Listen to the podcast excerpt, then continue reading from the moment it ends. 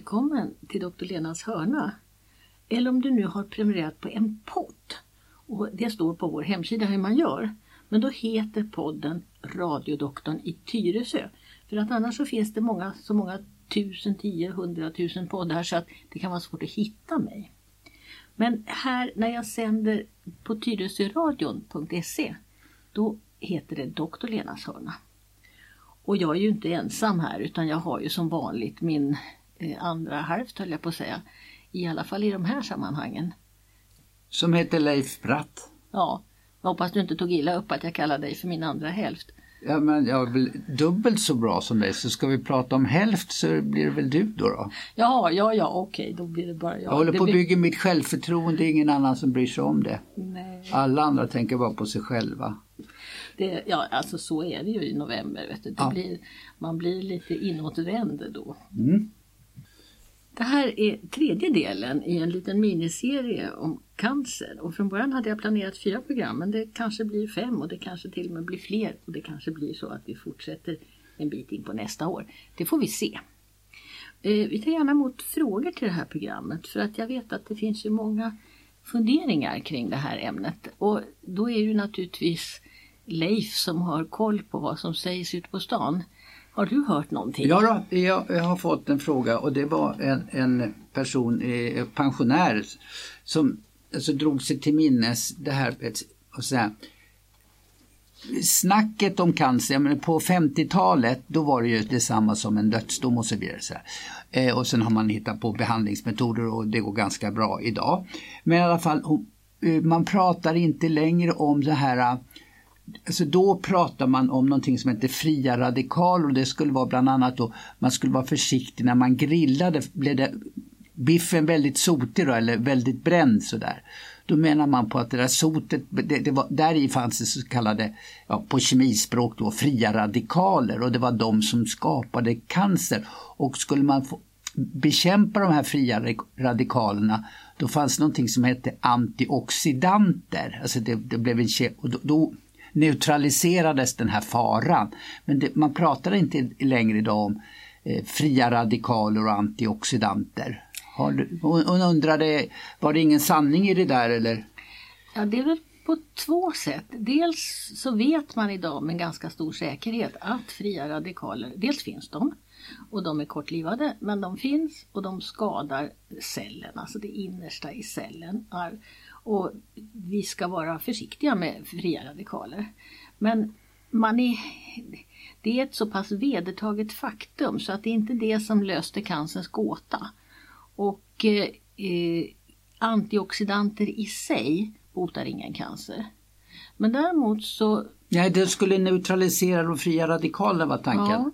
och, Sa hon. eh, Det kanske är så att med en, en kost som innehåller mycket antioxidanter så mår vi bättre ur många aspekter. Inte bara eh, att vi inte får cancer men vi, vi blir nog friskare och vi blir, får mindre inflammatoriska sjukdomar. Så att, att äta rätt, och antioxidanter det finns det i frukt och grönt och bär eh, och sådana saker. Och är- är det var någon som sa till mig att eh, det- röda färgämnet i rödvin är väldigt antioxidant, ja mycket där. Det kan jag ingenting om. Nej. Men, men jag tror att det kanske vägs upp av de nackdelar som finns med om man nu ska ta så stora mängder så att man får i sig tillräckligt av, av Ja, ja, ja. den produkten. Mm. Eh, nej men frukt, frukt och bär och grönsaker, där finns det mycket antioxidanter och det är allmänt bra för vår hälsa. Jag funderade på en sak som jag inte var riktigt tydlig med förra gången och det var vi pratade lite om att Sara Danius hade dött av sin bröstcancer. Och jag, när jag kom hem sen så tog jag och lyssnade på det vinterprogram från 2014 där hon faktiskt pratar nästan hela programmet om sin bröstcancer. Och det är två saker där. Vi pratade i vårt program i tvåan om behandlingar och hur behandlingar, eh, man tog beslut om behandlingar. Eh, så pratade vi också om en del förberedande saker, till exempel att man kunde operera in en liten grej under huden under nyckelbenet för att man skulle kunna eh, ge cellgift på ett smidigt sätt.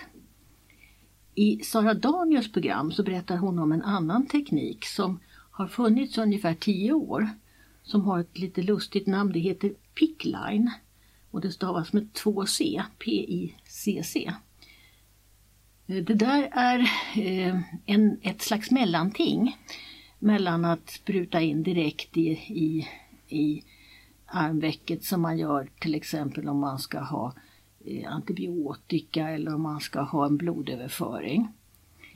Det är alltså en liten plastslang. Man har, som, när man sticker in i skinnet så innehåller den en nål som sitter inuti plastslangen. Så det finns en nål som gör hål i huden. Och sen så fort slangen har kommit in i blodådern så drar man ut den där nålen, så nålen är borta sen. Utan det enda man har är en fasttejpad plastslang med en kran. Och en pickline, då är det en extra lång plastslang som går ända upp till armhålan från armvecket. Och den kan då sitta kvar ganska länge utan att behöva bytas. Eh, och, och det är också så då att eh, det här är en teknik som en sjuksköterska kan göra. Det behövs alltså inte en, en läkare som ska operera in någonting. Nu har vi hantverkare här utanför studion och de är lite pratsamma. Jag vet inte om ljudet slår igenom men då får ni ha överseende med det för att vi styr inte riktigt över de som jobbar utanför här. Om vi återgår till den här plaststangen då. Eh, så är det sjuksköterska som kan sätta dit den och sköta om den och ta bort den. Men sen sån här venport som jag pratade om i förra programmet, det kräver ett operativt ingrepp, det vill säga man måste komma in till sjukhus, vara på en operationsavdelning. Eh, de kostar ju naturligtvis också olika mycket. Men inte för patienten väl? Inte för patienten, nej. Men det har gjort att det kanske har blivit mycket vanligare med pickline än med venport om jag ska vara riktigt eftertänksam idag. Risken med en pickline det är naturligtvis att den kan bli infekterad därför att den sitter ju utanpå huden. En venport ligger gömd innanför huden. Vilket man väljer, det beror ju naturligtvis på omständigheterna runt omkring och framförallt kanske på hur mycket olika saker som ska sprutas in genom den här infarten som vi, vi kallar en sån här grej. Är det cellgift man sprutar in? Ja. Och Sara Danius berättar i sitt program att hon hade fått cellgift på morgonen Sen var det Nobelfestligheter på eftermiddagen och det var Nobelfest på kvällen och hon hade en av sina kreationer och den här gången hade hon vantar som gick en över armbågen ända upp på överarmen. Långa eleganta vantar. Och de handskar. Hade, handskar, förlåt. de handskarna hade hon för att dölja sin pickline. Hon klarade alltså att få behandling på morgonen och sen ha hela den här Nobelfestligheten. Men hon säger själv att hon somnade sen under middagen. Det var nog ingen som märkte, eller kameran visade i alla fall inte det. Hon berättar väldigt bra i det här programmet. Eh, har du hört det programmet? Nej, nej. Nu får du gå hem och göra det. Det är hemläxa till nästa gång. Ja, du får ge mig någon länk då sen eller, ja. så, eller vad man ska söka. Eller du kanske kan tala om för lyssnarna vad man ska söka på för att... Ja, om man har en dator så letar man rätt på Sveriges Radios fina lilla app eller deras hemsida och så söker man på sommar och vinterprogram och så letar man på 2014 vinter och där finns hennes program. Eller så letar man på hennes namn så får man upp det där programmet också. Okej. Okay. En annan sak är det som jag tänkte vi ska ägna en del av det här programmet åt och det är eh, de eh, vad ska jag säga, sidoeffekter eller negativa effekter av de här olika behandlingarna. Behandlingarna är ju till för att slå ihjäl cancercellerna. Men de, det är ju starka behandlingar och det Sara Danius berättar om det är ju håravfallet. Hon är väldigt tydlig med det att det gavs inga alternativ håret skulle ramla av, punkt slut. Och så är det. Man hade väl önsketänkt och hoppats när de här nya cancermedlen kom då för 15 år sedan ungefär att eh, de inte skulle ha en sån biverkan. Men det har de. Och det, är, det, är det hår över hela kroppen man förlorar eller är det bara huvudhåret? Det kan vara över hela, över hela kroppen. Men det syns ju mest. Ja, ja, ja, ja man har ju kläder på sig oftast. Ja, ögonbryn kan bli väldigt tunna och skäggväxt brukar minska kraftigt också. så, Sara Danius berättar ganska bra om, om det här hur man blir rekommenderad att klippa om man har långt hår. Därför att det är eh, lättare att se kort hår falla av än att se långt hår falla av. Och så hinner man vänja sig lite om man klipper av ett långt hår eh, lite innan det börjar falla. Det, det, är ett sätt att mildra det här. Och sen så berättar hon också om hur det är att gå till perukmakaren och prova ut en peruk.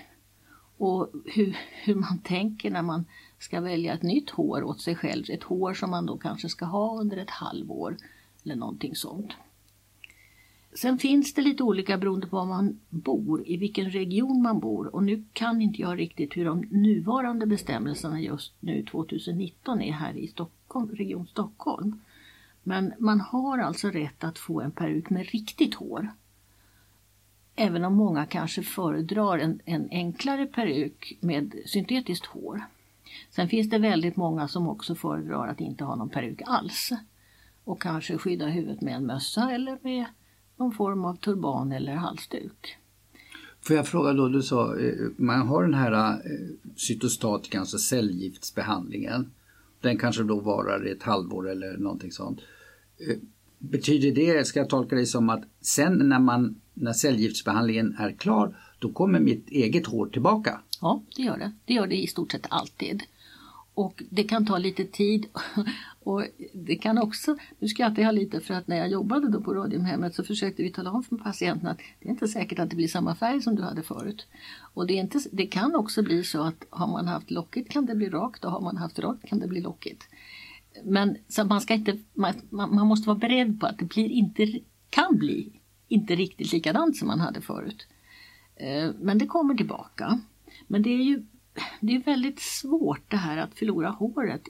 Inte bara för att många kvinnor är håret som stor del av identiteten men det blir också så att man, man blir utsatt för andras blickar. Folk stirrar på den som inte har något hår. Men det är ju lite grann, fast det har ju inte med cancer att göra, men en del unga män i 20-25 års åldern börjar få en flintis. Och det är ju samma sak, alltså flint är ju gubb, mm. gubb eh, Ja, en gubbmarkering, en, gubb, ja. en, symbol för, för gubbighet. Så ja. det är ju också, alltså apropå hårets eh, betydelse, det är ju rätt jobbigt för de unga män som ja. blir flintis i 25-årsåldern. Ja, eller mer, oh, ja. Och där har det också ändrats nu lite så att det är, det är ju många som rakar sitt huvud. Det är mer vanligt med både män och kvinnor som har väldigt, väldigt kort hår idag än det var kanske då för 10-15 år sedan när, när det här hände, de här medlen kom, då uh, var ju ungefär samtidigt som internet kom. Och då dök det upp uh, inte bara olika uh, kostknep för att slippa tappa håret utan det dök också upp någonting som kallades för ismössor. Har, har du hört talas om Nej. det? Det var, det var väldigt stort ett slag. Jag har ett minne då ifrån när jag var på Radiumhemmet hur vi hade eh, läkarmöten där på morgonen. Och en av de absolut bästa specialisterna som fortfarande finns på bröstcancer han var normalt en ganska snäll och vänlig man. Men han kom inrusande till morgonbötet en morgon och var så, nu får jag nog svära lite i radion här, fly förbannad. För att han hade fått en förfrågan från några sjuksköterskor som ville göra en forskningsstudie på ismössor. Och de hade haft besök av någon som ville sälja ismössor till behandlingsavdelningen. Och han menade då att, att kyla ner huvudet med en ismössa, det var ju detsamma som att kyla ner hela kroppen. Därför att eh, håret har en blodförsörjning väldigt ytligt i skalpen. Om man slår, får ett hål i huvudet så blöder man väldigt lätt. Och det är ju samma blod som cirkulerar runt i hela kroppen. Och är det så att man på ett ställe hade en tanke om att man skulle förhindra de här starka medlen att komma dit så var det ju egentligen samma sak som att hindra det här medlet att komma runt i hela blodsystemet. För blodet uppe i skalpen står ju inte still. Så det var ett ett tankefel i det här med ismössorna. Man ville så gärna, man önsketänkte att de här kvinnorna skulle slippa tappa håret.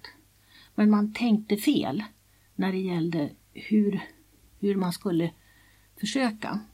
Men då får du hjälpa mig. Nu blir det inte cancer, nu blir det min åkomma. Ja. Jag har ju taskig syre. Mm. Ja, så då har jag, ju kalla fötter och kalla händer. Mm, Alltså ska- i, i ismössa ungefär, fast Ja. som sitter på händer och Då, fötter. då ska du ha mössa på huvudet på vintern. För då blir du varmare om händer och fötter. Det, det läcker ut värme ifrån Jaha, en, ett huvud. Ja. Alltså jag har fått förklarat då istället så här att eh, hjärnan stänger av fötter och, Mm. Ja. och händer för att det hjärnan behöver mer av det här eh, Ja. syre. Ja. Det är alldeles riktigt. Eh, Men, men om du nu vill ha varma händer och fötter Ja. eh, och inte det räcker med vantar och, och varma skor, då ska du ha mössa på huvudet också. Ha. Men, men det är alldeles riktigt att kroppen har väldigt fina mekanismer och kyler man av huvudet, till exempel en var- varm sommardag, lägger en våt handduk över huvudet, då blir man kall i hela kroppen. Alltså, det, det, det här var ett sidospår angående ismössorna, men om det är någon som liksom kommer ihåg det här med ismössorna så glöm det. Ismössor ska man inte ha när man håller på med cancerbehandling. Ja. För tanken är ju att de här medlen ska ut i hela kroppen och angripa alla cancerceller, vare sig de cirkulerar runt eller om de är på en bestämd plats. Kä- Känner du någon som har fått cancerbehandling? ja, Och vet du något om några andra sådana här negativa effekter? Nej, alltså, ja, jag behöver inte gå på vem det var. Men eh, en eh, bekant hade levercancer och fick cellgiftsbehandling och eh, om han fick fel sort eller det, det, var, det var väldigt, väldigt, väldigt jobbigt att få den här cellgiftsbehandlingen. På vilket sätt då? Ja, alltså, obehag, ja, han, det var inte så där väldefinierat utan han, han kände sig bara skit helt enkelt efter cellgiftsbehandlingen. Alltså, det, Många mår, mådde jättedåligt. många mår ju väldigt illa, Ja. Mm. alltså kräk, kan inte äta. Där har vi nu då våra duktiga sjuksköterskor. Den första sjuksköterskan som forskade och disputerade, hon hette Ulla Kvarnström och det var 1978. Då var, var hon den enda sjuksköterskan i Sverige som hade eh, doktorerat. Och doktorerat betyder alltså att man har skrivit en akademisk avhandling, i, hållit på i väldigt många år och studerat och forskat. Idag så har vi 1500 sjuksköterskor som har skrivit avhandlingar. Och ganska många av dem har hållit på just med cancervård, cancerbehandling, hur mår cancerpatienter. Det här är ju omvårdnadsforskning, så mycket handlar om sånt här som att hur upplever man sin sjukdom. Eh, det finns två sjuksköterskor som lite lustigt heter likadant, men det är två olika personer. Jag känner dem bägge två. Den ena hon heter Susanne Börjesson och hon är professor i Linköping och hon har ägnat sig åt det här med eh, eh, illamående och hon var med bland de första som kom på hur man skulle kunna förebygga att må illa under cellgiftsbehandlingar. Och det var så enkelt så att det man använder illamående, medel mot illamående, sjösjuketabletter började man med och nu har man fått fram nya eh, väldigt mm, kraftiga eh, mediciner som kraftigt dämpar illamående. Och så kombinerar man det ofta med eh, kortison och kortison är ju i det här fallet inget farligt för det producerar ju kroppen självt. Men nu hjälper man till att ge lite extra mycket kortison. Ja, Får jag bara stå, den här bekantingen som Mm. eh, fick levercancer och fick cellgiftsbehandling. Det är väl en eh, sju, åtta år sedan så Mm. då kanske inte den här tekniken fanns. Den var inte så spridd kanske. Den är kanske mest spridd bland eh, bröstcancerbehandlingar, kvinnor som får cellgifter för bröstcancer. Ja, det här var en man. Men den ges också vid alla typer av cellgiftsbehandlingar mot cancer inne i bukhålan. Så att det var kanske en slump att han inte, de som jobbade där han var sjuk, inte riktigt hade aktuella kunskaper. Ja. Men det finns eh, teknik och det är professor Susanne Börjesson som tog fram det. Sen finns det en annan Susanne Börjesson, bor uppe i Dalarna i Falun. Hon är också sjuksköterska och hon har inte riktigt doktorerat än men hon har gjort väldigt mycket arbete kring olika typer av smärta hos cancerpatienter. Hon håller på med sin avhandling nu och den kommer säkert bli klart ganska snart.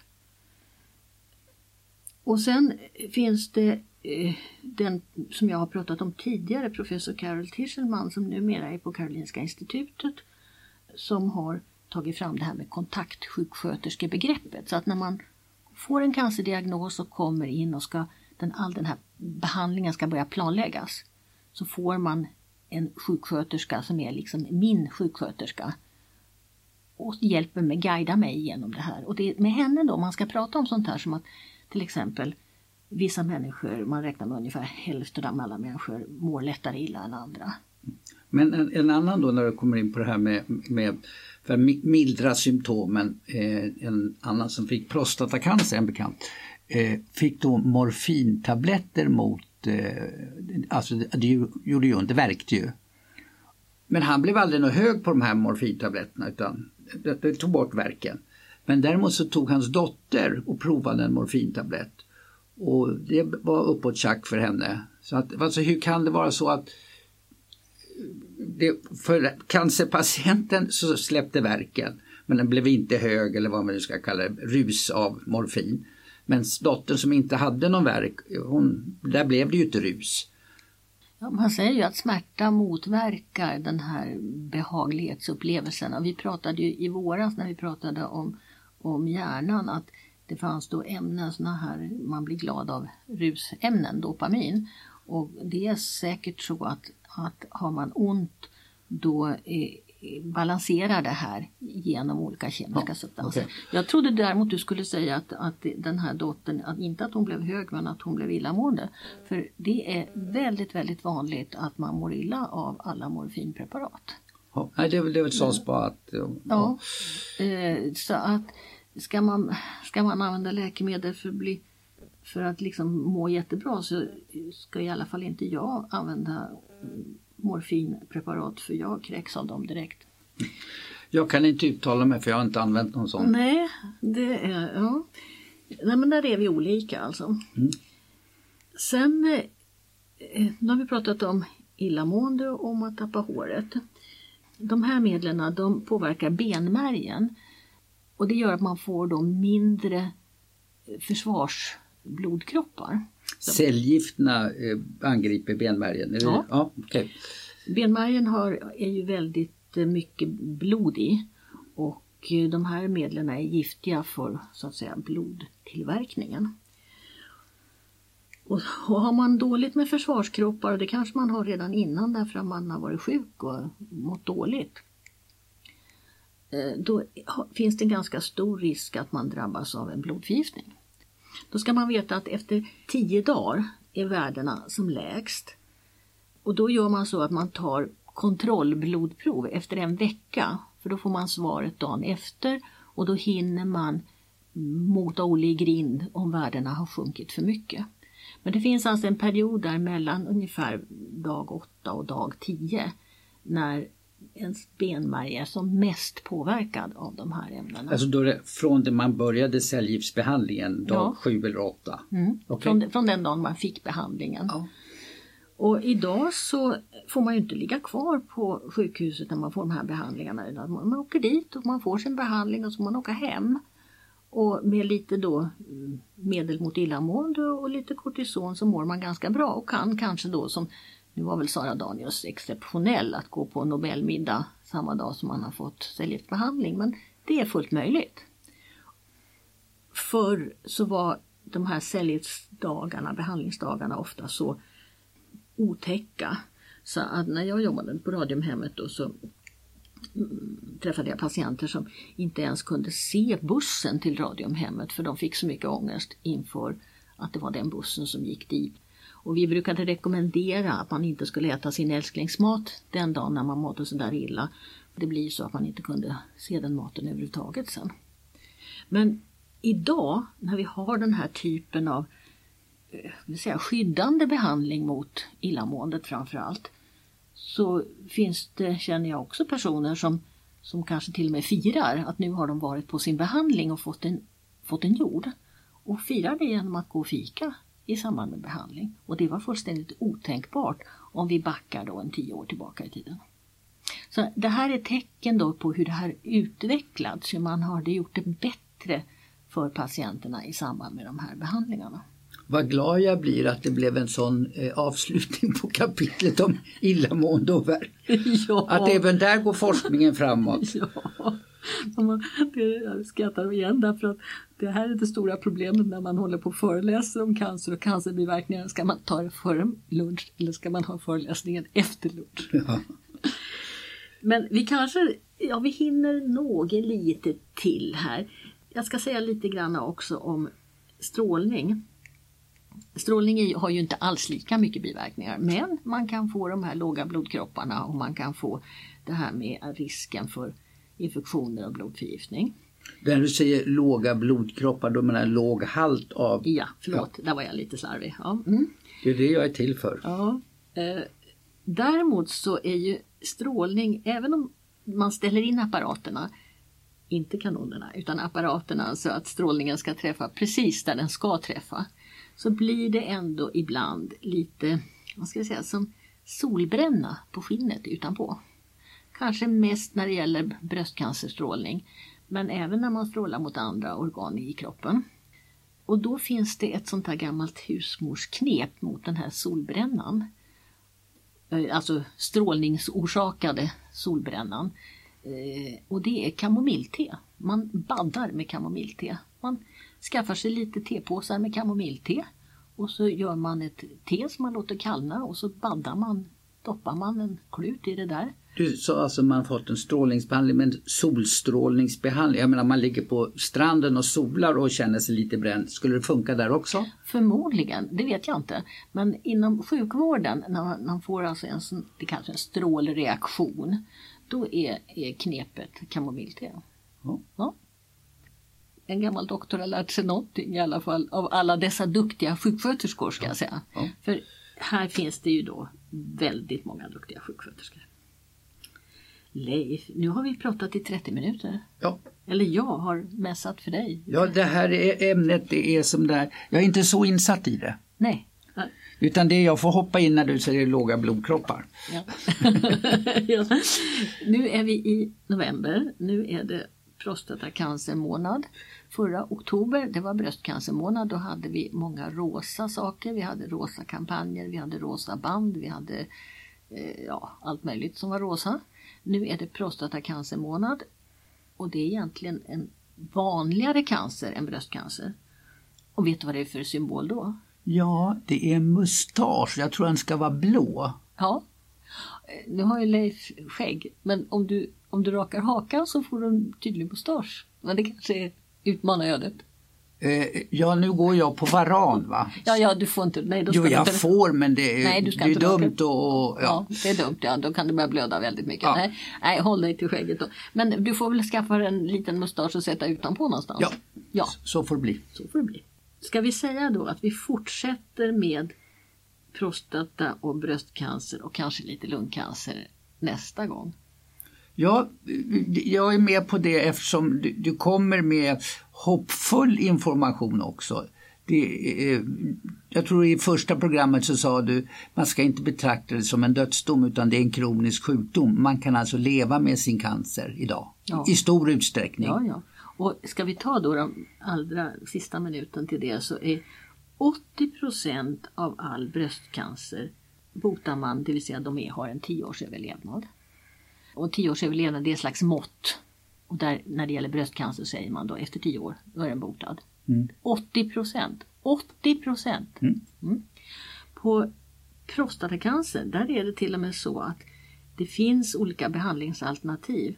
Och ett behandlingsalternativ alternativ, det är bara att man eh, väntar och ser hur det går. Därför att den, man vet att det är så pass bra prognos. Den, den finns där men den rör inte på sig och det händer inget mer. Hur men man måste också vara lite försiktig väl att, eh, för den där kompisen som fick prostatacancer. Han fick, när han berättade för mig så sa han att det var en aggressiv typ ja. och han hade kommit in för sent så han fick eh, två år på sig. Att man ska, ja. Nej, det finns en skala. Det finns en, ska, en farlighetsskala på prostatacancer och den ska vi prata lite mer om då nästa gång när vi ägnar oss lite mer åt det. Okay. Nej, det, var, det lät ungefär ja, som... Ja. Nej, all, all prostatacancer är inte snäll. Nej. Men om man, om man nu måste ha någon sorts cancer då brukar jag säga att då ska man ha prostatacancer. Och det Ja. är lite taskigt för oss kvinnor. Men, men eh, det är ändå bland den snällaste cancerformer som går att få. Vissa sorter av den. Mm. Nej, det lät bara så på dig att det, man ska inte bry sig om. Mm. Nej, Men- nej så, får, så, så får ni inte tolka mig. nej. Det vart fel. Mm.